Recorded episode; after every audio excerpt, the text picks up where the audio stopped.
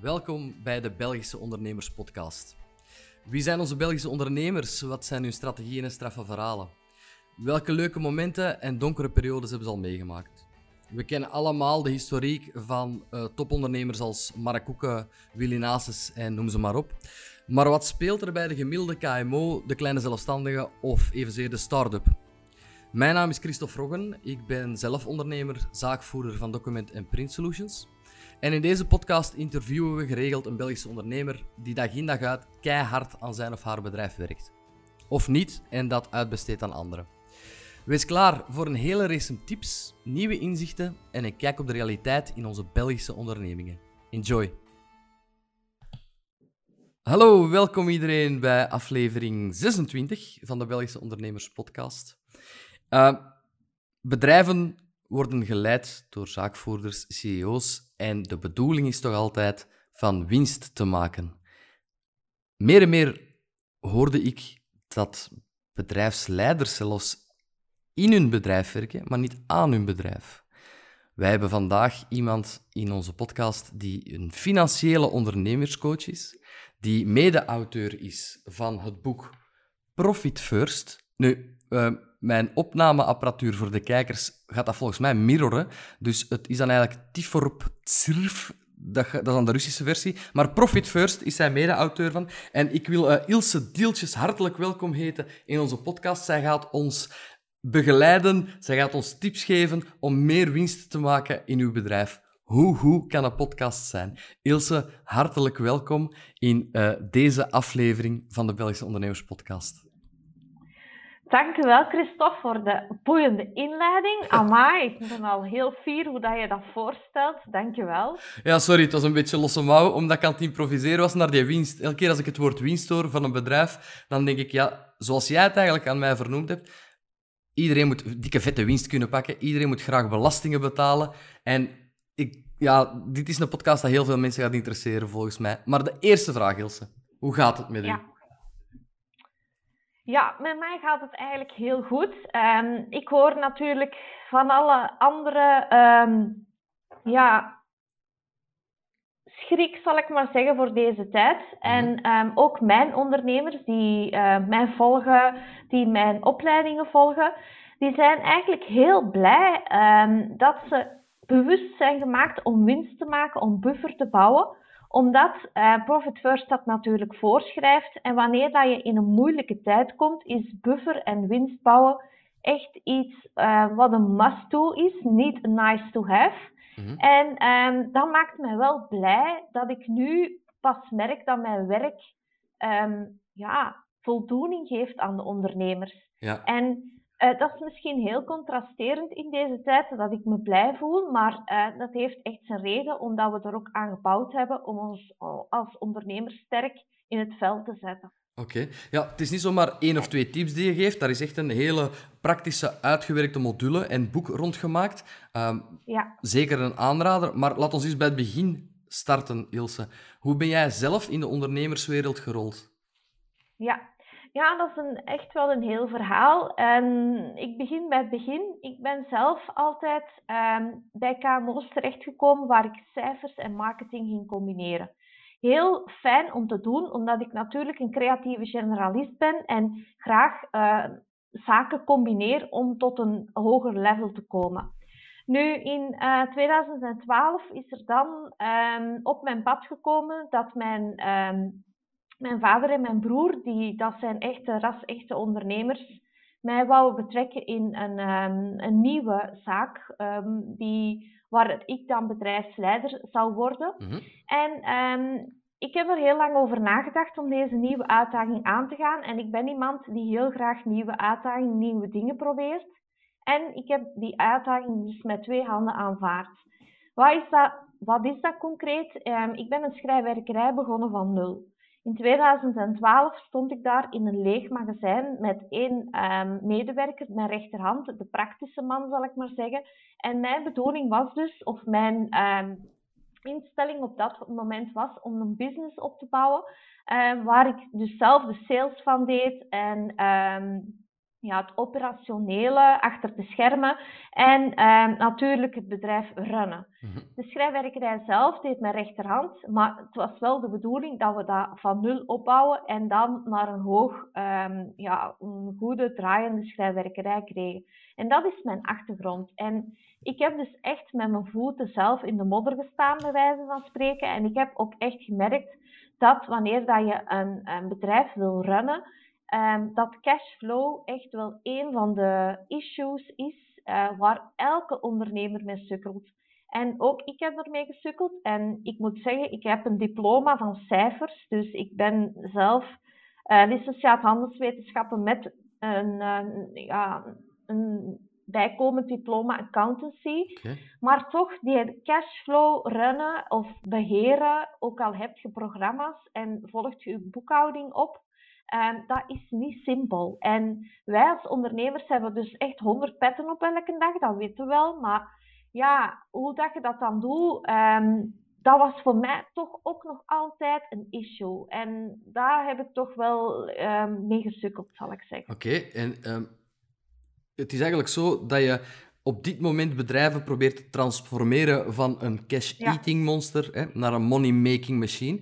Maar Ja, welke ja. stappen heb jij genomen om te ontdekken hoe dat nu moet? Hè? Want je was zelf zoekende, je was zelf op zoek naar hoe kan ik hier stoppen met al die pitten op te zetten en, en zorgen dat mijn bedrijf eindelijk meer winst maakt of winst maakt. Welke stappen heb je daarvoor ondernomen? Ja, Ehm, dus ik had zelf ook het gevoel dat je zelfs in een miljoenenbedrijf ehm, toch nog altijd dat gevoel had van dat je moest van factuur tot factuur leven Mhm. en dat je dikwijls geen beslissingen, dat je echt die beslissingen aan de hand van die bankrekening moest nemen. En dat was niet zo simpel en wanneer dat het dan over groot geld gaat, ehm uw boekhouder kan u wel raad geven, maar eigenlijk zit je als ondernemer zelf aan dat stuur. En ehm, ik vond dat heel moeilijk ehm, om bijvoorbeeld stokinnames te nemen en dat dat over heel grote bedragen ging. Hoe konden dat dan beslissen dat dat op dat moment het juiste moment was om die stokinname te doen? Ja, in... Nu, in, in- ehm, hoe ben ik dan inderdaad, want dat is uw vraag, van het een naar het ander gegaan. Dus ehm, ja, ik ben dan uiteindelijk uit de schrijfwerkerij gestapt. Maar daarna wist ik voor mezelf van, ik moet hier iets mee doen, want dat is goud waard. Als Mhm. ik dat weet, hoe dat ik daar ondernemers mee kan helpen, dan ehm, kan ik wel iets op de markt zetten. En ik ben echt op zoek gegaan en ik ben bij eh, het, het concept Profit First uitgekomen. En Femke Hogema uit Nederland heeft het van Amerika naar Nederland gebracht. En ik ben de, ehm, op dat moment ehm, zelf opleiding gaan volgen om te kijken van als je met dat probleem sukkelt, want ook mijn man heeft een onderneming en ook daar zag ik datzelfde. En ik, bij mijn vorige bedrijven zag ik ook elke keer datzelfde. En ik dacht van, ik moet daar iets mee doen. En Ja. ik ben die opleiding gaan volgen. Zo is het gestart. Oké. En eigenlijk het klassieke, je eh, hebt je inkomsten min je kosten is je winst. Dat wordt volledig van tafel geveegd. Volledig van tafel Ja. is misschien veel gezegd, maar dat wordt Ja. eigenlijk, de mindset daar rond wordt wel volledig van tafel geveegd. Ja, klopt. Ik wil niet te veel weggeven, ze moeten het boek maar lezen, maar kan je een aantal stappen uitleggen? Ja, zeker. Ehm, waarom gaan we dat van tafel vegen? Omdat ehm, daar is er een psychologie inderdaad achter, een mindset achter. En dat komt ehm, als je naar je bankrekening kijkt, Christophe, dan ga je beslissingen nemen. En we gaan altijd de ruimte die we hebben, dus het geld die we hebben, gaan we benutten. Mhm. En wat is het gevaar daarvan? Wanneer dat we goede business draaien, dus grote omzet creëren, dan komt er ook geld op onze bankrekening. Maar op het moment dat je dan een grote stokinname eh, zou willen doen, dan hou je op dat moment niet bewust rekening met andere uitgaven. Dan denk ik bijvoorbeeld aan personeelsuitgaven, aan vakantiegeld dat je moet betalen, aan je belastingen die je misschien nog niet gereserveerd hebt. BTW die dan om de drie maanden of om de maand komt en dan misschien een serieus bedrag is. En wanneer dan we dan alleen naar die bank ehm, ehm, gaan kijken, dan nemen we eigenlijk verkeerde beslissingen. En daarom zeggen we van kijk, die formule, omzet min kosten is winst, die keren we gewoon om. Waarom? Een ondernemer kan zich altijd in alle bochten wringen. En dat bedoel ik mee, als je nu je omzet 100 euro is, of die is 99 euro, dus je gaat eigenlijk 1 euro opzij zetten en je moet met die 99 euro toekomen, dan gaan we dat kunnen. Mhm. En dat is wat ik daarnet zei, we gaan ons altijd aanpassen aan de situatie die we hebben of het geld die we ter beschikking hebben. Maar als we dat geld eerst al afsnoepen en dan pas zaken gaan doen en ons uh, geld gebruiken dat we dan ter beschikking hebben, dus dat is even mindset Ja, ja, ja. uh, omkeren, dan gaat dat ook gaan. Omdat ondernemers, dat zijn gewoon slimme mensen. Want wij kunnen altijd, als er geen geld op de rekening staat, dan gaat je gewoon um, de klanten bellen van, van openstaande offertes en je gaat er nog eentje binnenhalen. En we gaan eigenlijk heel slim spelen. We gaan een leverancier vragen voor betalingsuitstel of we gaan een bijkomende voorschotfactuur creëren. We zijn er slim in en altijd redden we het juist op het moment dat het ja, heet wordt. Ja, dan wel. Dus hè? Ja, ja. eh, ja, dan wel.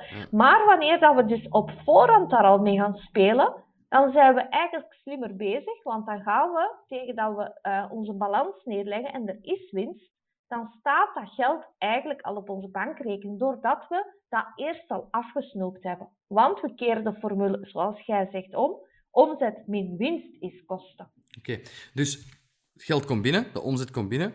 Dan ga je al, laten we zeggen 100 euro, dan ga je al 5 euro op een andere rekening zetten, de winstrekening. Correct, hè? Ja. En zo heb je een Ja. aantal rekeningen die je opstart om van aan de basis van zodra het geld binnenkomt, onmiddellijk de verdeling te maken, zodat je nooit voor verrassingen komt te staan. Dat is een beetje hoe dat Klopt. zit.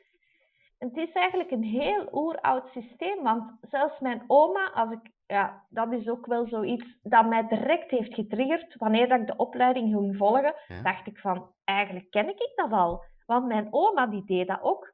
Die ehm, had slechts een arbeiderspensioen. En zij ging van dag 1, in 1 januari van het jaar, gewoon envelopjes maken. En tegen dat het einde van het jaar was, had ze voor drie kleinkinderen, ik onder andere, een mooie spaarcent, bij elkaar gedaan. ehm, door daar elke maand geld in te steken. Maar dat is businessgewijs, denken we van zo'n simpel systeem, hoe kan dat werken? Maar zelfs mijn vader, die is ehm, ondertussen gepensioneerd, ehm, zaakvoerder vanaf dat ik geboren ben, 1 april, zeven dagen na mijn geboortedatum, is hij zijn business opgestart. En ehm, hij had het, ook, het boek gelezen in maart, wanneer dat gelanceerd is vorig jaar. En hij zei van, had ik dat geweten en toegepast, dan had ik nog veel meer geld opzij gehad. En het is gewoon een simpel systeem dat iedereen kan toepassen. Je hebt er geen software voor nodig. Het is gewoon boerenlogica dat je moet toepassen op je geld. En eh, dan kan je echt wel business doen met een heel gerust gevoel. Echt, je hebt financiële rust dat je creëert, omdat je weet dat je voor elke geldbestemming je geld hebt. Ja. Ook als eh, bouwbedrijf bijvoorbeeld is het heel ehm, normaal dat je heel veel grondstoffen of eh, materialen nodig hebt. En dikwijls is dat van uw omzet al 50% ehm, van uw bedrag dat jij moet reserveren voor onderaannemers en materialen. Maar 50% van uw omzet, dat is veel geld. Ja. En ehm, daar lopen we heel vaak tegenaan dat we ons leveranciers te laat kunnen betalen. Maar wanneer dat we dat systeem gaan toepassen en heel ehm, step by step gaan toepassen, dan gaat je ook daar je cashflow verbeteren. Oké. Je zegt het zelf, eigenlijk past, paste je oma het al toe, maar ik was het boek aan het lezen en ik dacht, ik doe dat ook al voor een groot stuk privé. Ja. Want als wij zeggen, Ja. volgend jaar gaan wij op reis, dan beginnen wij met de rekening reis en storten wij elke maand al iets voor de reis. Dus ik denk dat heel veel mensen al, al dan niet miniem in dat principe werken. Zeker. Alleen, een van de grote, grote punten die ik heel belangrijk vond in dat boek, is zet een keer je ego aan de kant. Misschien heb jij geen kantoor nodig voor wat je doet. Misschien heb je niet de laatste nieuwe Apple nodig. Dus ook de kosten enorm reduceren. Maar wel nog altijd, eh, ja, hoe zal ik het zeggen? Het moet nog leuk blijven ook. Hè? Maar Ja, kosten tuurlijk. kunnen gekut worden met de helft. Gewoon door je ego aan de kant te zetten. Dat is ook een belangrijke, Ja. hè? Heel belangrijk, Christophe. En ik ben blij dat je het aanhaalt, want ehm, wat ik vaak zie is ehm, dat wij als bedrijf op de grote voet leven, zeg Mhm. ik dan. Want als je dan effectief je potjes gaat verdelen. Dus je bepaalt vanuit je omzet hoeveel percentage dat elke bestemming nodig heeft. Dat bedoel ik met je belastingen, je loon, je uh, kosten en je winst. Maar dan zeggen veel ondernemers van ja, maar dan kan ik mijn kosten niet meer betalen. En dan moet ik eens even kijken van, mm, dan kun je kosten niet meer betalen. Dat wil zeggen dat je eigenlijk veel te veel kosten hebt dan wat er geld binnenkomt ten opzichte van je geld dat binnenkomt. En dat is niet oké. Maar dat beseffen ze pas wanneer dat ze echt die check gaan doen.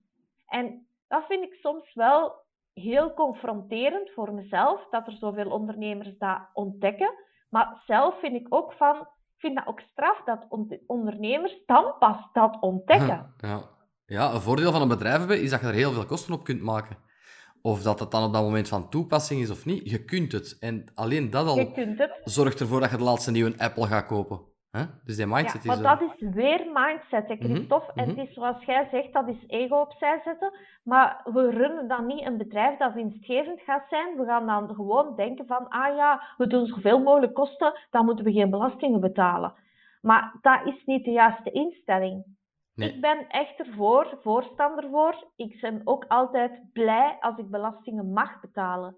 Want dat betekent dat mijn bedrijf goed draait, dat, dat ik het goed doe als ondernemer, maar dat ik ook mag afdragen. En wanneer ben ik blij als ik belastingen heb, mag en kan betalen? Als het er ook op mijn bankrekening staat. Want dan, anders krijg ik ook buikpijn. Ja, ja dat begrijp ik. Heb je zo'n voorbeeld van zo'n top 3 bijvoorbeeld? Ik vraag maar iets van de grootste of de kostenposten die het meest moeten geschrapt worden, waarvan dat je zegt, man, dit is, allez, dat, dat, zie ik overal. Ja, auto's. Chique auto's dan. Hè? Je kunt ook met, met een mhm. Renault rijden als je met een dikke BMW rijdt, zoiets. Ja, okay. los erover soms. um, dan, um, wat er ook echt soms ja, eruit springt, is restaurantkosten. Oké. En dan um, ook een hele belangrijke post is diverse benodigdheden. Daar boeken ze dan alles op, maar weten ze eigenlijk niet wat eronder steekt. Nee. Dus, en dat zijn ook soms kolossale bedragen waar je van achterover valt. En als ik hun dan daarmee confronteer, dan zeggen ja, ik weet niet wat dat is. Ja. Dus dat zijn toch wel dingen. En wat mij ook vaak verbaast, is dat er heel hoge uh, bedragen worden uitgegeven aan verzekeringen. En wanneer dat ze dan achteraf uh, de verzekeringen met elkaar gaan vergelijken, dat er toch wel echt bespaard kan worden. En ehm, dat is gewoon even moeite doen om te kijken van is er alles nog wel wat dat er verzekerd is aanwezig in het bedrijf. En ook een keer vergelijken. Je dat is niet uh, omdat dat verzekeringen zijn, dat dat geen leverancier is, waar dat je eens een keer mocht aanvragen van kijk, klopt dat nog wel? Dus ook durven vergelijken met andere leveranciers. We onderhandelen in grondstoffen en, uh, en materialen ook met de leveranciers. Maar bij vaste kosten, zoals elektriciteit, uh, telefoon en zo verder, daar wordt dikwijls gewoon, los, allez, gewoon overgegaan en daar wordt geen vergelijkingen gemaakt. En ook dat vraag ik aan mijn ondernemers om echt een keer te durven gaan te zien van wie is mijn leverancier. En als je daar al 30 jaar klant bent, dan zeker moet je eens vragen van kijk, wat kan er gebeuren aan die rekening? Ah, wel, ik, ik volg inderdaad dat je dat moet opnemen met je leverancier. Als je daar super tevreden van bent, dan kan je de vraag al om te beginnen aan hem stellen. En kom je daar niet tot een, een goed idee, ja, dan, dan kan je gaan vergelijken. Ik, uh, kuch, kuch, kuch, dat kan met printers ook, hè, dames en heren. Kuch, kuch. maar ja. daar worden ook heel veel kosten op bespaard. Maar alles wat met werking te maken heeft, um, grief dat je nodig hebt, daar wordt heel veel op bespaard dan. En die kosten, dat is, dat is, is dat dan een speedboot of zo? Heb je al gekke dingen tegengekomen? Dat je kunt verminderen, bedoel Nee, ik wil zeggen, als je zegt van die, die, die kosten, dat, dat jij zegt van uh, die diversen, zit daar dan soms een speedboot in? Of iets dat je denkt van... nee, dat je, dat je al ze tegengekomen van... Allee, man... Ja. Ja, wat ik al wel tegengekomen ben, is echt privé-uitgaven. Ehm, dan denk ik aan ja, die visa-kaart. Dat is ook zoiets wat dat heel dikwijls misgebruikt wordt. Dus ik bedoel daarmee reizen, um, voedingsmiddelen, um, ja, van alle dingen die eigenlijk niet bedrijfsgerelateerd zijn. Daar komt het toch niet mee weg? Bij een controle? Ja, maar ja, blijkbaar toch wel dikwijls wel. Oké, goeie tip. Nee, nee. nee, dat is niet goed. Nee. Nee, nee, nee. Nee, het zijn die dingen... Zeggen, ja, zeg maar. Je, ziet, je ziet toch wel zaken ehm, die gebeuren. Maar ik kan u ook zeggen, Christophe, mensen zien dat soms als, ja, dat is mijn extra loon. Oké. Maar dan ben ik niet akkoord, want dan gaat je je bedrijf niet beoordelen zoals het moet. Dan, dan ben je niet eerlijk. Dan kijkt je door een roze bril en gaat je gewoon even zien van ja, mijn bedrijf is niet winstgevend, maar als je het dan uh, in detail gaat bekijken, gaan er kosten uit uh, die niet gerelateerd zijn aan je bedrijf. En als je er die dan uithaalt, is je bedrijf wel winstgevend. Dus ja, je moet altijd er eerlijk zijn met jezelf. Wat is um, effectief aan je bedrijf verbonden en wat niet? Eigenlijk zeg je, dan melk je het bedrijf wel gewoon uit. Dat is wat je ja, dan doet. Juist, ja. Maar ik vind dan dat je gewoon, als je, ik vind altijd dat je moet beginnen van, wat heb je privé nodig? Ja? ja. Dus wat zijn je privé-uitgaven en wat is noodzakelijk dat vanuit je onderneming naar je uh, privé overgaat qua loon? En daarom, een werknemer moet daar ook mee leven. Mm -hmm. En als jij beslist dat dat loon, ik zeg maar iets, uh, 5000 euro moet zijn, oké, okay, maar dan moet je bedrijf dat ook opbrengen. Mm -hmm. Maar je moet dat niet via allerlei kostenposten liggen, um, ja, ja, hoe moet ik dat zeggen? Nee, nee, ik begrijp het. Ja, ja, ik begrijp het. Ja, dat, dat is niet de bedoeling. Je moet eerlijk zijn met je bedrijf. Ja. En als je eerlijk bent, kun je ook vergelijkingen gaan maken van jaar 1 naar jaar 2 naar jaar 3. Dat is ook de bedoeling als ondernemer. Je moet gaan kijken van, is mijn bedrijf winstgevend en uh, doe ik het goed? Moet mijn omzet meer, uh, moet mijn omzet naar boven? Moet mijn, zijn mijn producten, uh, hebben die voldoende marge? Daar moet je allemaal op letten. Maar je moet daar niet dingen gaan insteken waar dat je dan als uh, privépersoon voordelen aan hebt. Oké, die zijn er. Hè? En ik wil niet zeggen dat je als ondernemer geen voordelen mocht nemen. Ik zeg niet dat je geen bedrijfswagen mocht hebben of een laptop of een telefoon en weet ik veel wat allemaal. Maar het moet niet de rover zijn. Mhm. En dat is wat ik heel vaak zie in die kostenposten. ehm, dat ze er dingen insteken die niet noodzakelijk zijn. Oké. Je bent financieel ondernemingscoach. Dat boek, dat is niet uw hoofdactiviteit natuurlijk. Dat is een vehicle om naar uw hoofdactiviteit eh, toe te werken. Vertel mij eens, wat, wat is nu juist uw dagdagelijkse bezigheid? Ehm, waar factureer jij voor? Ja, dus ehm, klanten die eh, komen bij mij om hun bedrijf natuurlijk uit te lichten. En mijn eh, fundament is altijd dat ik vertrek vanuit de financiën. Omdat je dan weet van hoe ver staat je met je bedrijf. Maar dan kunnen we conclusies gaan trekken. Mhm. En ehm, dus ze starten, ze kunnen op twee manieren in mijn, in mijn ehm, ja, coaching starten, zal ik zeggen. Ofwel gaan ze het zelf doen. Ik heb dus een online programma waar dat we in 12 weken ehm, grip op je cijfers eh, krijgen. Dus het noemt het grip op je cijferplan. En dan gaan we echt stap voor stap ehm, kijken van ehm, wat is er gaande in uw bedrijf. En we gaan via een financiële gezondheidscheck echt een rapport maken van uw bedrijf. En we gaan dan ook Profit First implementeren om echt die grip over geld te krijgen. Maar Dat kan ik vinden op uw website waarschijnlijk. ja, Dan zet ik de website er zeker bij, ja. Ja, nu ehm, dan gaat je constateren van kijk, ehm, je maakt eigenlijk een rapport van je bedrijf en gaat je zien, ja, ik moet toch nog wel aan een aantal knoppen draaien om mijn bedrijf naar een hoger level te krijgen. Nu, dat kan zijn dat je bedrijf eigenlijk er al heel goed voor staat, maar je wilt nog beter draaien. Dat Mhm. kan. Of het kan zijn dat je zegt van cashflow problemen, daar moet iets aan gedaan worden, dan moet je daar aan starten om dat te verbeteren. Maar dan, ehm, stel, we hebben die twaalf weken gedaan, dan gaan ze zeggen van kijk, ik wil toch wel verder mij verdiepen in het, in het, in het aspect ondernemen. En ehm, dan heb ik het, het Meer Winst Academie en dat is een zes maanden traject, is in groep. En dan gaan we echt kijken van hoe zetten we ons bedrijf nog beter in de markt. We beginnen weer van dat financieel fundament en dan gaan we zien aan welke knoppen moeten we draaien. Dat kan zijn dat uw prijzen niet correct zijn, dat je producten hebt die niet winstgevend zijn en waar je afscheid moet van nemen. Dat je efficiëntie moet verhogen, dus je procedures aanpassen om je bedrijf ehm smoother te laten lopen. Mhm. Ehm, dat kan zijn dat je zelf je mindset moet veranderen. En ehm, dan zeg ik ook altijd, uw medewerkers moeten ook mee in heel het geheel. Want als zij niet mee zijn in uw missie en uw visie van uw bedrijf, ja, dan kun je je bedrijf nooit rende- eh, winstgevend of renderend maken.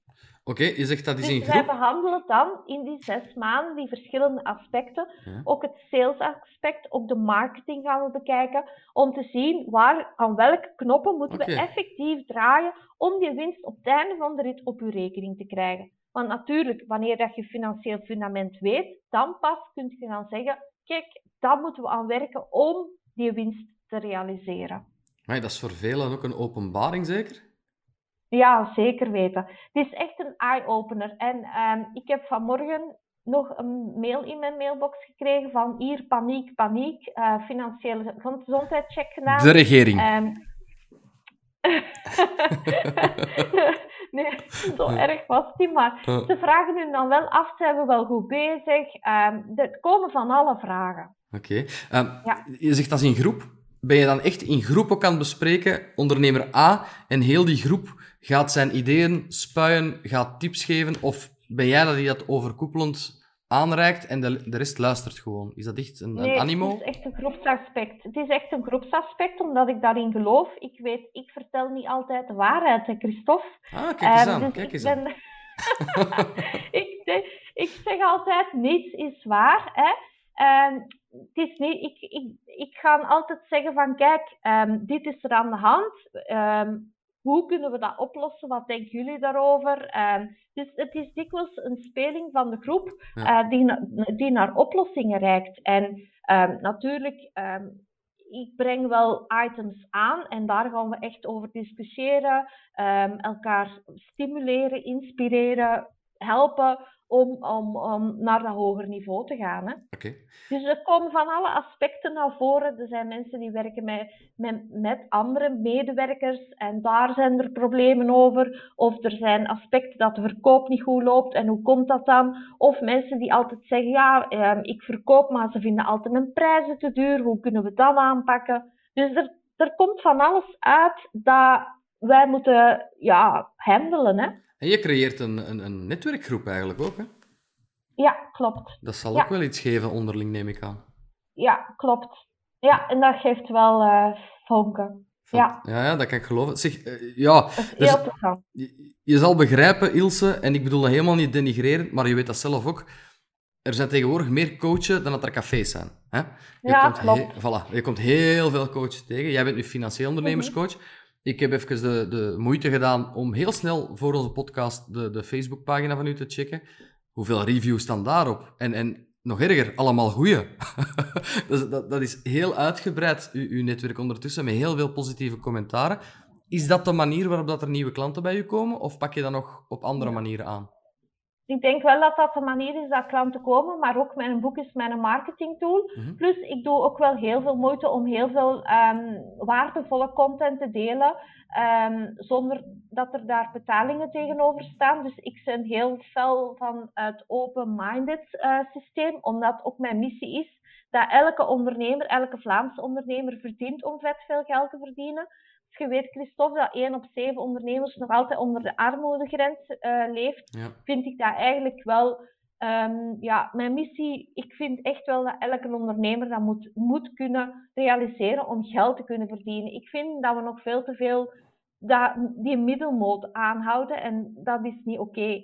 Ehm, soms, als je eerlijk bent, een werknemer verdient eigenlijk meer dan de gemiddelde werkondernemer. Daar bedoel Mhm. ik mee. Die hebben een dertiende maand, die hebben vakantiegeld. Ehm, er zitten van alle voordelen aan. En wij als ondernemer ehm, moeten vrij hard knokken om daar te geraken. Je moet dat ja. niet onder stoelen of bank, banken steken. En dat is niet dat ik dat... Ik vind dat... We moeten ervoor werken, daar ben ik ook mee akkoord. Maar ik vind ook wel als ondernemer verdient je dat wel om geld te verdienen. En dat is echt mijn missie. En ehm, daarom, mijn Facebookpagina wordt echt wel... ehm, daar kun je echt heel veel op vinden. Ehm, als je eigenlijk, ja, als je echt zelf aan de slag wilt gaan, kan dat met al mijn informatie die ik geef. Ik heb ook een heel uitgebreide blog content op mijn website. Er komt elke week een nieuwe blog uit. Mijn nieuwsbrief, er komt elke week ook een nieuwsbrief. Ik heb heel veel volgers daar. Mhm. Dus ik probeer wel de ondernemers echt te helpen. En dat is echt mijn doel. Ja, echt coachen. ja, ik voel mezelf soms, want ik noem wel financieel ondernemingscoach, maar ik voel me meer een mentor. Ja. Ehm, omdat, omdat ik ook met mijn voeten echt in de KMO-wereld heb gestaan. En ik merk toch wel dat dat een heel groot voordeel is, want bijna elk probleem dat ze mij voorleggen, heb ik eigenlijk al eens meegemaakt. Oké. Wat zou jij startende ondernemers aanraden? Het eerste dat ze moeten doen, financieel dan? Ehm, ik zie ook heel veel starters die geen budget opmaken. En daar bedoel ik mee een, um, een financieel plan, oké. Maar je kunt een financieel plan opmaken, Christophe, maar dan is nog de vraag, als je dat getal daarboven zet, welke omzet dat je gaat halen, denk je er dan ook over na welke marketing dat er tegenover staat. Ja. En ze maken wel een financieel plan op, maar dat marketingplan vergeten ze. En dan is dat getal dat daar van boven staat, is dat dan wel realistisch. En dat is wat ik heel vaak zie, dat dat niet realistisch is. Want als je bijvoorbeeld als coach iets verkoopt van 2000 euro en je moet 100.000 euro halen als coach, ik zeg nu als coach, maar um, omdat het nu even gemakkelijk rekenen is, mhm. dan moet je wel x aantal klanten binnenhalen. En hoeveel gesprekken moet je halen om die klanten binnen te halen? Want als je 1 op 2 verkoopt, dan zijn ze een hele goede verkoper. Hè? Mhm. Dan wil het zelfs zeggen, als je 1 op 2 verkoopt, dat je prijs misschien wel te laag is. Dus als je 1 op 3 verkoopt, en bijvoorbeeld in mijn schrijfwerkerij, weet ik wel, dan moet je wel tussen de 100 en 150 leads hebben. Wat gaan die leads halen? En daar kijken ze niet naar. En die leads, het aantal leads, dat wil ik weten. En hoe gaat die leads op uw bureau krijgen? Hoe gaat je daarmee spreken? En dus als je een startende ondernemer bent, is het niet alleen belangrijk dat je een financieel plan hebt, maar ook een marketingplan. En dat je weet hoeveel leads dat je moet binnenhalen om die omzet te kunnen creëren. En dat loopt heel vaak fout. Wat is de kost per lead dan? Hoe, welke, hoe halen ze leads binnen? Dat kan op verschillende. Um, op verschillende uh, manieren. Ik geloof heel sterk in online en offline combinatie. Ik geloof er niet in dat je alleen um, op Facebook aanwezig bent en dat je dan je business kunt runnen. Daar geloof ik niet in. Dus ik geloof erin dat je zowel moet netwerken, op beurzen aanwezig zijn, en dat is natuurlijk afhankelijk van welke business waar je mhm. actief bent. Maar ik geloof in de combinatie. Je moet puzzelstukken maken zodat die in elkaar passen en dat het online gegeven het offline gegeven kan ondersteunen, maar ook andersom. Ik zeg ook altijd, als je offline buiten komt, moet eerst je online uh, in orde zijn. Want iedereen die je tegenkomt en je geeft je kaartje af, dat kan nu niet, maar je visueel kaartje dan, dan gaan ze altijd gaan kijken naar uw website. En als uw website niet kwalitatief is, ja, dan gaan ze al afhaken. Dus het is heel belangrijk dat je die twee echt in evenwicht houdt. Mhm. Je zegt nu juist, dat kan u niet een kaartje afgeven. Ondervind jij veel hinder van het geen afspraken meer mogen maken? Doe jij nu, ben jij uitgebreid naar meer digitaal, meer online? Uh, mijn online is nog sterker dan uh, voor uh, corona, omdat inderdaad, ik mis contacten. Ik ben ook een heel sterk iemand om offline te netwerken. Ik ben zelf ook actief in BNI al vier jaar. Uh, werkt voor mij echt heel goed. Um, ik geloof ook erg in um, offline netwerken. Ik ga ook diverse locaties spreken. Ik heb vorig jaar voor Wolters Kluwer gesproken. Um, en dat is natuurlijk nu wat er een beetje ontbreekt in mijn um, netwerkverhaal, zal ik maar zeggen, Christophe. Want ja, je hebt nu niet die live contacten. En ik ben wel iemand die vrij goed met mensen contact kan leggen of connecteren. En ik merk toch wel, ja, ik doe wel video, maar dat is maar, allee ja, ik spreek tegen het scherm, maar er komt niks terug. Hè. Um, dus ja, dat is toch niet zo heel gemakkelijk, nee. nee. Dat horen we elke week en ik bevestig het ook elke week. Ook onze meetings zijn veel aangenamer als je tegenover elkaar zit in de flash dan wanneer dat je tegen een scherm praat. Dat klopt. Je voelt elkaar ook helemaal anders aan. Je kunt elkaar andere indrukken geven. Dat is zo. Dat klopt. Ja, uh, en ook trainen via het scherm. Um, dus ook de, de trainingen. Je ziet niet wanneer iemand niet mee is. Um, ook, um, ja, het is een ander gevoel. ja, dat Ik heb mijn zoon een tip gegeven van de week, want hij moet ook online thuis les volgen. Hij mag zijn camera niet opzetten en hij moet zijn naam veranderen in Reconnecting. Dus de, de leerkracht denkt constant dat hem geen internet... Maar enfin, hij mag het niet gebruiken, hè. het was gewoon een tip. zeg, je sprak, daar... je sprak daar net over uh, spreekopdrachten. Je gaat ook, ik wil zeggen, voordrachten doen. Klinkt dat nu een beetje te... Je gaat spreken voor mensen. Hè? Ja. Hm? Je bent daar ook al eens in zenuwstressfase gegaan. Je hebt daar ook al eens een falen. Het staat op je blad, dus ik dacht, ik ga daar toch eens over beginnen. Je hebt al eens een falen gedaan. Een falen, dat klinkt ook weer zo overdreven, maar het was stress. Vertel. Ja, ja. Uh, dus ja, inderdaad, Wolters Kluwer. Uh, ik had mijn voordracht uh, voorbereid, zal ik maar zeggen. Maar ehm, soms dan heb ik zoiets van, kijk, ik mag niet voluit voor mijn mening gaan staan omdat dat toch wel confronterend is. Als ik zeg van ja, kei tof om belastingen te betalen. Ja, daar komt soms toch wel een heftige reactie op. En ik heb daar soms ook bang voor van wat ze er allemaal gaan over denken en zeggen als ik dat uitspreek. Of als ik zeg van uh, elke ondernemer moet vet veel geld verdienen. Ja, komt soms zo wel heel arrogant over. Uh, als je mij niet kent, ja, dan weet je totaal niet wat ik ermee bedoel. En ehm, ik had dus mijn toespraak voorbereid, niet à la Ilse, maar volgens de safe Ilse. Dus zo heel, ja, we gaan het hier voorzichtig aanpakken. En ja, ik had dus mijn toespraak gedaan en de, dat was een testfase. En de commentaar was dat ze het eigenlijk heel slecht vonden. Oef. En ik stond daar en ik dacht van, mm, dit is niet oké. En um, toen heb ik, ik ben iemand die heel snel met een reset-knop kan zetten. En ik zeg, ik zei direct van, als ik dat een aantal jaren geleden had meegemaakt, dan zou ik denk ik beginnen huilen zijn en weggelopen uit die zaal en nooit meer teruggekomen. Maar die fase is bij mij toch wel gepasseerd en ik voelde zo van, Ils, je zet hier gewoon een, een, een alter ego aan het nadoen. Alleen dat zei jij niet. Kom aan, doe toch gewoon wie dat je bent. En en ook zo, ik was dan ook keihard op mijn taal aan het letten voor heel AN te spreken. Dat ben ik ook al niet. Dus ik dacht van gewoon opnieuw beginnen. En ik zei ook van kom, we beginnen terug opnieuw. En die zo, ja, is goed. En uh, ik deed dat opnieuw, dus zonder voorbereiding. En die vonden dat gewoon geweldig. dus dat was even zo van... Mm. En dat was voor mij ook wel een les dat ik altijd voor bij mezelf moet blijven. En niet een rolletje spelen. En ehm, dan denk ik ook, dat heeft mij ook geleerd om degene die niet bij mij passen, dat ik dat ook niet erg moet vinden. En de straks zei je van er is op elke hoek een coach. En ehm, dat heeft mij in het begin ook tegengehouden om dat coach te worden. Maar dan dacht ik, um, het, is zo, het is zo, dus ofwel kiest je ervoor en moet je ervoor gaan, voor hoe dat jij wilt dat je het in de wereld zet. Mhm. maar het is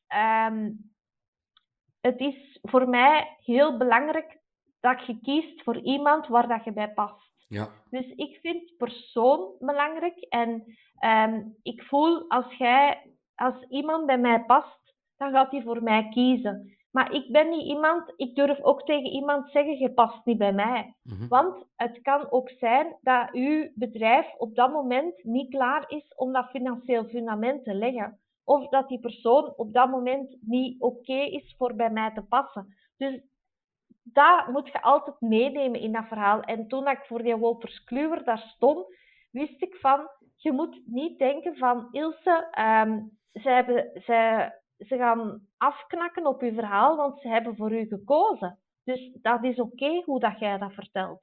En ja. dan moet je ook als ondernemer, als je faalt, moet je weten, van oké, dat is een moment, dat is een leerschool. Wat kan ik hieruit leren? Wat pak ik daaruit mee? En dan terug verder gaan. Absoluut. Ja, en stel dat dat wel had gelukt, zo'n rolletje na 5, 10, 20 keer, je valt daar toch een keer uit. Zeker als je van de camper komt. ja, en ook, Christophe, dat kun je niet volhouden. Nee, Want dan, dan, dan, dan ga je iets spelen wat je niet thuis bij voelt en dat, dat gaat niet. Nee, dat is juist. En dat is goed dat je terug naar jezelf gegaan bent, want je merkt dan ook dat je veel relaxter je job kunt doen. Mensen waarbij dat niet klikt, dat loopt dan ooit wel eens fout. Zeker als je die moet begeleiden in iets zo secuur als het financiële. Ja, en ook, je, dat vraagt voor jezelf veel te veel energie en je moet die mensen daar doortrekken en dat gaat niet. Want die staan daar dan niet volledig achter en die gaan niet toepassen wat dat jij zegt dat ze moeten toepassen. Niet dat ik de waarheid spreek, ik zeg het nog eens, maar je moet jezelf er goed bij voelen. Maar als ze dan niet willen schakelen in dat proces, dan gaan die ook geen resultaten halen en dan zijn ze ook niet tevreden met het bedrag dat ze mij moeten betalen. Dus dat klopt niet. En nog erger, dan vraagt iemand aan die ondernemer: zeg, ik heb Ilse leren kennen, ja. je hebt ermee gewerkt, is dat oké? En dan krijg je die negatieve fase die je absoluut kunt missen, want het is zijn eigen schuld dat het niet gelukt is. Of haar eigen schuld. Ja, dat is ook zo. Ja, maar ik merk ook, Christophe, dat er ook veel ondernemers zichzelf tegenkomen tijdens het ondernemen. En dat zult jij waarschijnlijk ook al meegemaakt hebben, ik zelf ook.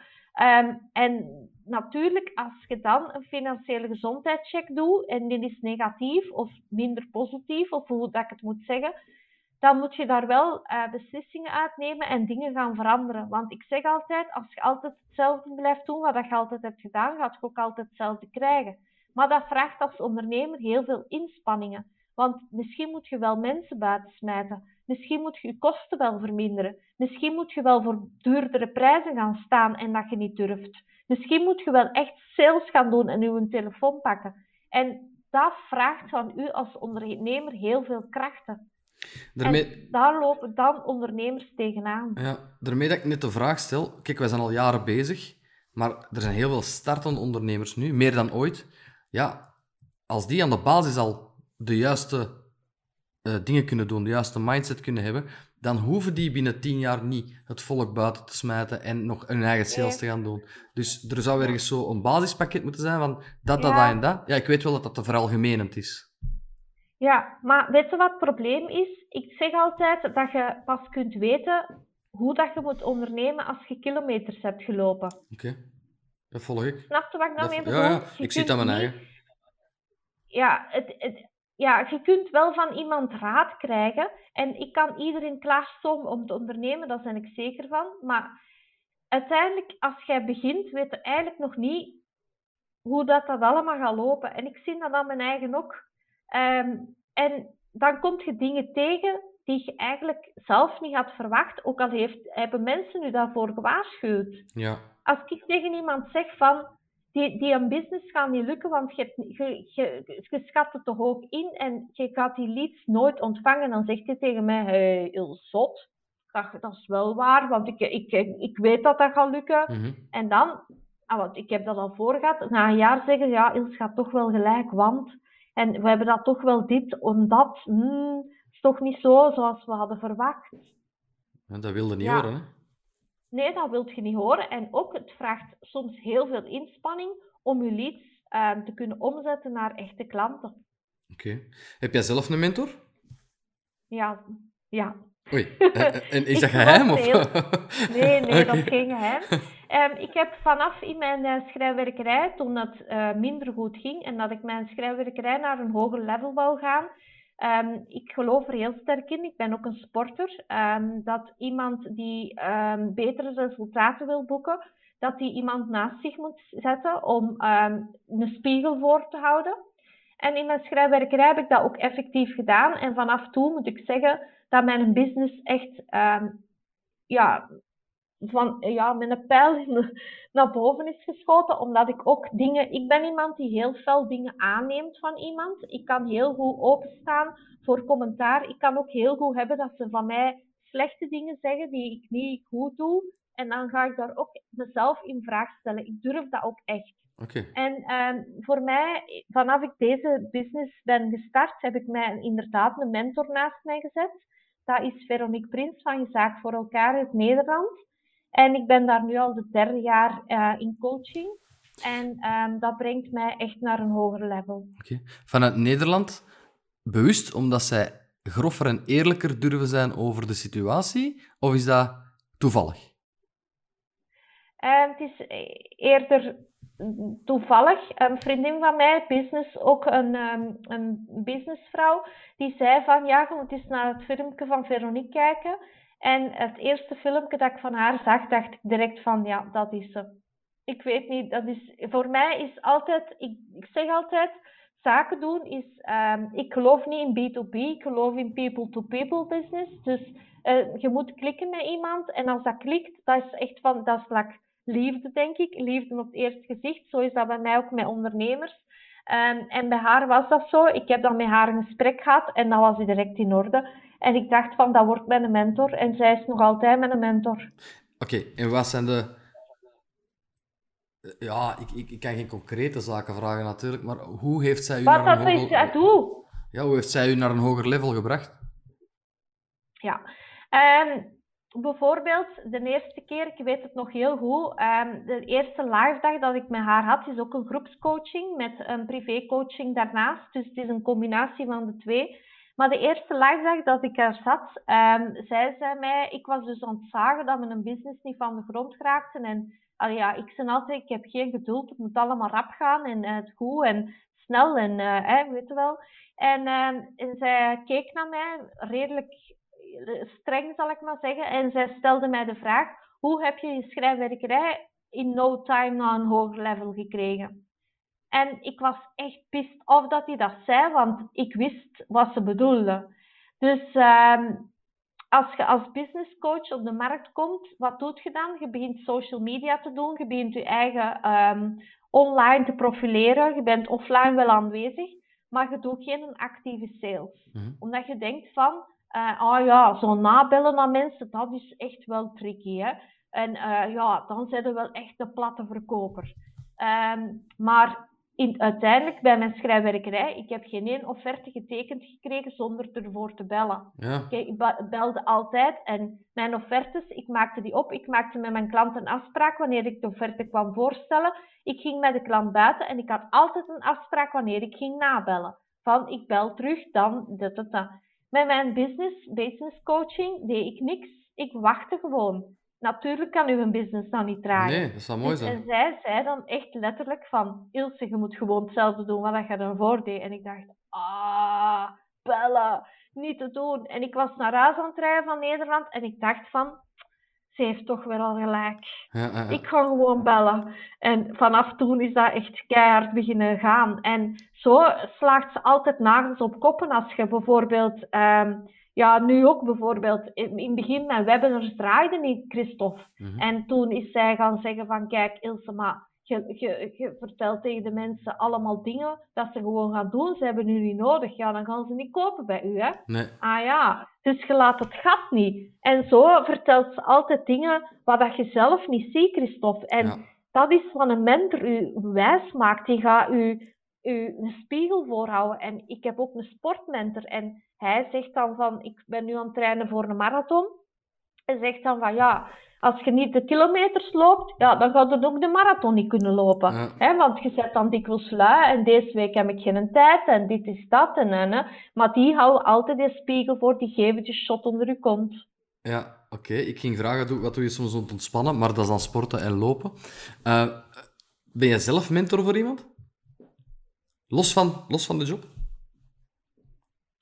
Eh, Los van de job, Ja, los van, van het financiële coachen. Ben je zelf mentor voor een, een vriendin die onderneemster is? Of, of, of iemand die je kent? Of... ik denk dat ik dikwijls mentor ben. Oké. Ja. Bijvoorbeeld, ik heb eh, een metenkindje, die is zeven jaar. En die is vannacht nog komen slapen. En dan zegt hij dikwijls van, ja Ilse, hè, en hoe moet ik dat doen? En dan, van mij neemt hij dat dan aan. En dat is logisch, want van zijn ouders, ja, Ja. Hè, als je dat moet lezen, dat, dat, dat gaat niet. Hè? Maar Ja. bij mij doet hij dat allemaal graag. Dus ik denk van, soms kan ik, ik kan wel echt mensen motiveren om dingen te doen. Ja. Ja. Moet hij al een euro van zijn zakgeld afgeven in envelopje 1? Nee, dat Nee. valt... Maar dat ga ik nog leren. Dat is de volgende stap. Oké, dat is goed. Zeg, los van, los van het financiële, wat voor boeken lees jij graag? Ehm, ik, ja, het is heel verschillend. Ik ben een echte lezer. Ehm, dus ja, maar dat gaat ook soms. Ja, thrillers durf ik ook lezen. Hè. Ik Ja. lees alles. Hè. Zowel businessboeken als, ehm, als thrillers, als eh, gewoon in, eh, pff, ja, waar dat je gewoon niet moet bij nadenken. Ehm, een liefdesverhaal, ja, bijvoorbeeld, dat lees ik ook graag. Ik lees, dat valt gewoon te zien wat, wat voor stemming dat ik Ah, heb. wel, om meer te ontspannen ga je dan een thriller of een liefdesverhaal lezen. Ja, Maar uit interesse en om bij te studeren zou je dan een ondernemersboek lezen. ja. En maar dat is weer het gevaar bij mij. Eh, als ik een businessboek lees, dan zit ik daar altijd met mijn stiftjes en met mijn pen. Ik schrijf alle boeken vol, hè. Echt? Dus ehm, dat is het gevaar. Dat is voor mij geen ontspanning, want dan ben ik weer echt aan het studeren. Ah, tof. Ja, inderdaad.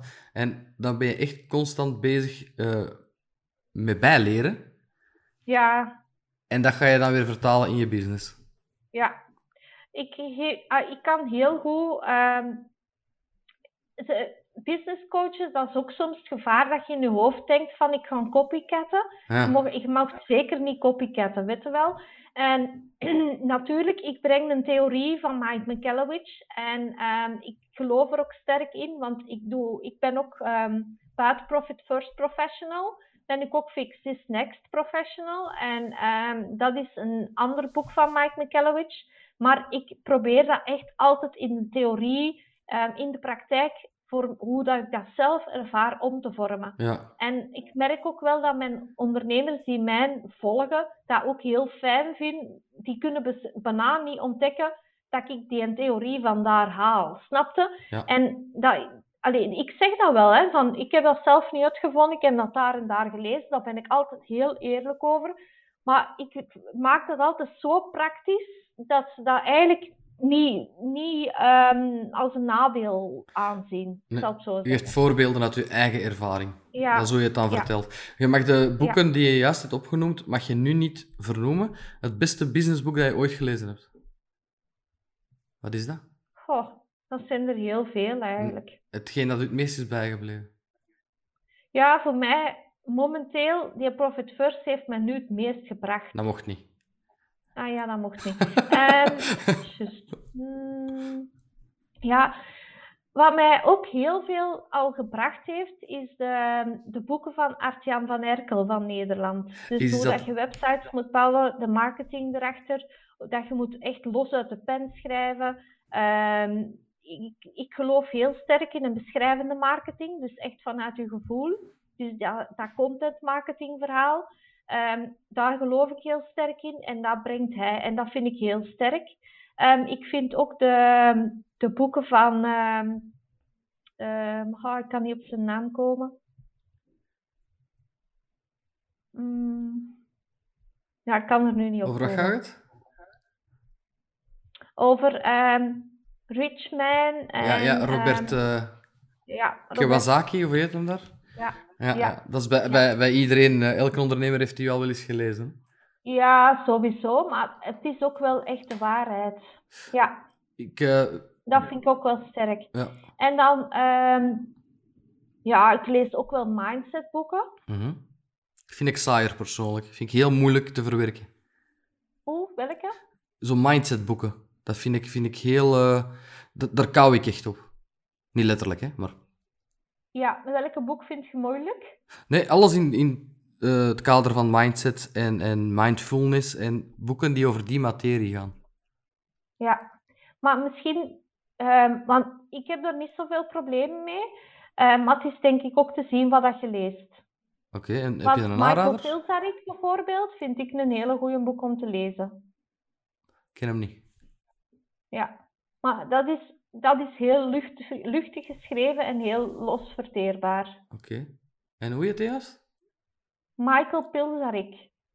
Dus een, Ne- een Nederlander eh, die over mindset schrijft. Oké, oké. Ja. Heb wel die eh, Start to Not Give a Fuck. Dat is ook ongeveer over Ja. mindset. En dat vond ik wel een heel leuk geschreven boek, bijvoorbeeld. Ja. Ja, klopt. Ja, ja. Oké, heel fijn. Ehm, Ilse, uw ambities op, laten we zeggen, vijf jaar, waar liggen die? Waar, waar wil je naartoe? Dat is een hele moeilijke voor mij. Ehm, ik ehm, daar kan ik kan er niet zo heel goed op antwoorden, maar ik denk dat ik meer en meer naar die groepen toch wil evolueren. Dus, ehm, dus echt groepscoaching, ehm, dat wil ik echt in de markt zetten. En, ehm, maar dat is echt een droom. Stel nu dat ik echt elke Vlaamse ondernemer vet veel geld wil laten verdienen. dan moet ik gaan sectorieel werken, denk ik. Mhm. Want ik spits mij nu voornamelijk op bouwondernemers, omdat daar mijn hart en mijn ziel ligt en omdat ik daar ook het meeste van ken. Ehm, maar er zijn er nog heel veel sectoren waar ik niet zoveel kaas van gegeten heb. En misschien is het wel ehm, nuttig om op elke sector ehm, een, een Ilse-duplicaat te zetten. Oké. Dus dat is misschien een hele grote droom. En ik weet niet dat ik ja, daar ja, mijn energie wil insteken, dat weet ik nog niet. Ja. Maar dat is misschien wel iets waar ik moet aan werken. Om heel die missie kunnen te zetten in Vlaanderen. Dat is een hele mooie droom. En aldoende ga je dan ook rustig uitwerken. Hè? Dat is gewoon aldoende Ja. dat dat komt. Je gaat wel zien waar je strandt, maar Ja, ik zou zeggen, uit uw Ja. vorige sector van de schrijnwerkerij, houd vasthouden. Het komt wel goed. Maar je moet gewoon blijven.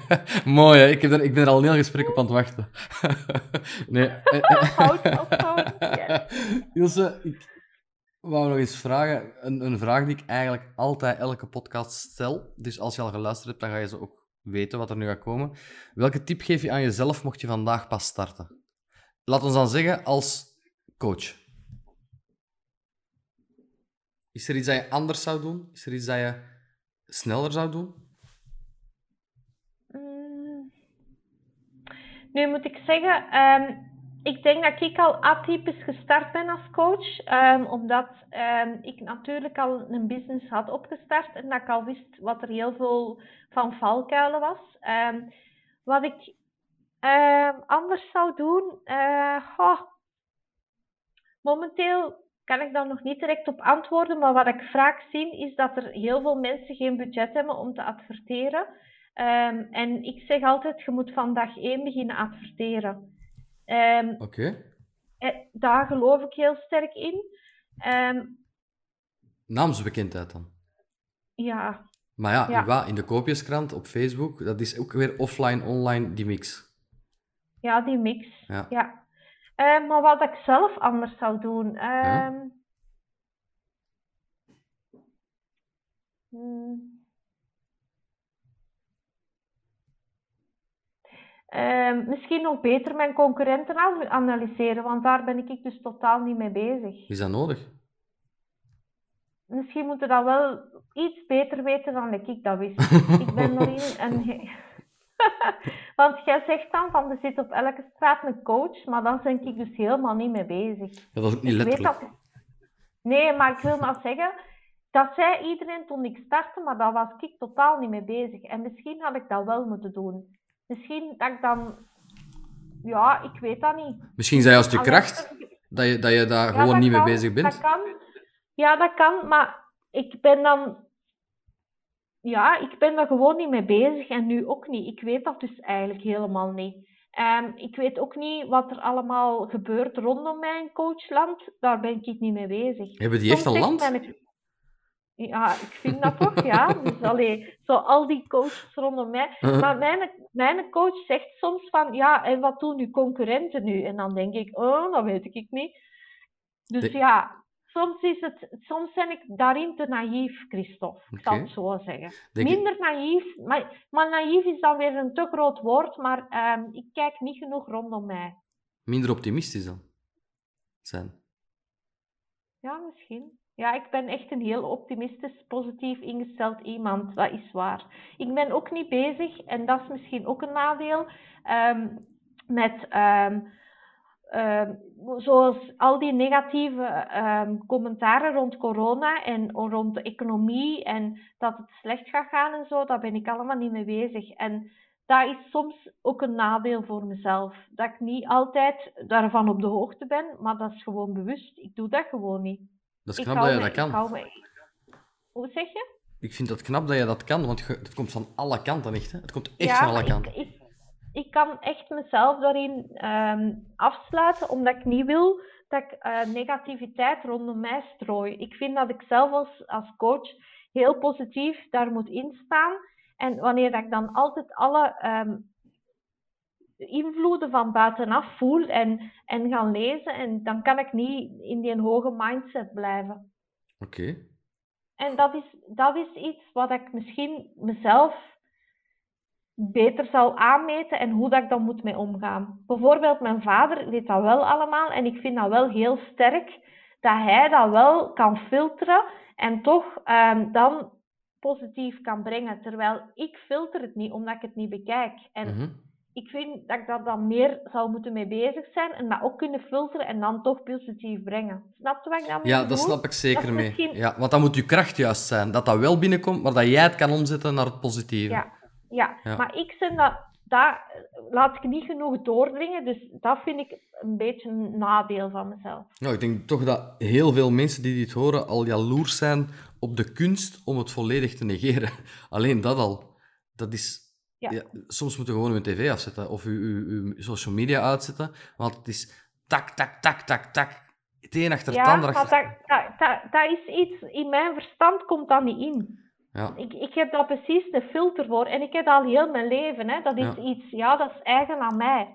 Ik weet niet hoe dat, dat komt, maar dat is mij ja, meegegeven precies in, in een Allee, want mijn moeder had dat ook, die kon ook zo echt filteren. En dat is een eigenschap, want mijn vader zegt soms van je zet niet genoeg mee met, een, met alles wat er gebeurt om u. En dat is ook zo. Ik vind dat soms ook een nadeel. Dus ja, dat is iets wat ik mezelf wel een beetje verwijt, ja. Oké, maar wel een hele goede eigenschap als coach, dat je zo'n dingen kan uitzetten. Vind ik persoonlijk.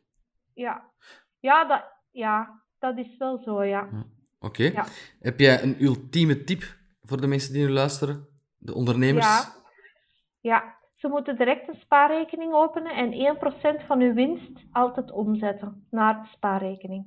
Voilà. Elke maand, elke week, elke... Ah nee, twee keer per maand. Ik heb een boek gelezen. Ja, één keer per maand, ja. Elke maand, als je je omzet weet, 1% van je omzet overzetten naar een spaarrekening. Dat is het ultieme tip en uh, je gaat merken dat dat direct gaat werken. Want je gaat jezelf belonen en je gaat zien dat dat eigenlijk mogelijk is.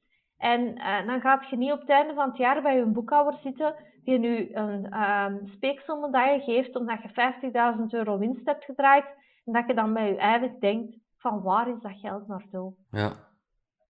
En ik zeg niet dat je die 50.000 op je rekening gaat hebben, maar je gaat toch al wel een start van die 50.000 op je rekening hebben. En dat geeft u moed om dan de volgend jaar daar nog beter aan te werken. En zo gaat je je als bedrijf winstgevender en winstgevender maken en gaat je zelf ook voelen van dat er in je bedrijf meer goud zit dan dat je zelf denkt. Fantastisch. Bedankt voor die hele waardevolle tips en voor het waardevolle gesprek ook.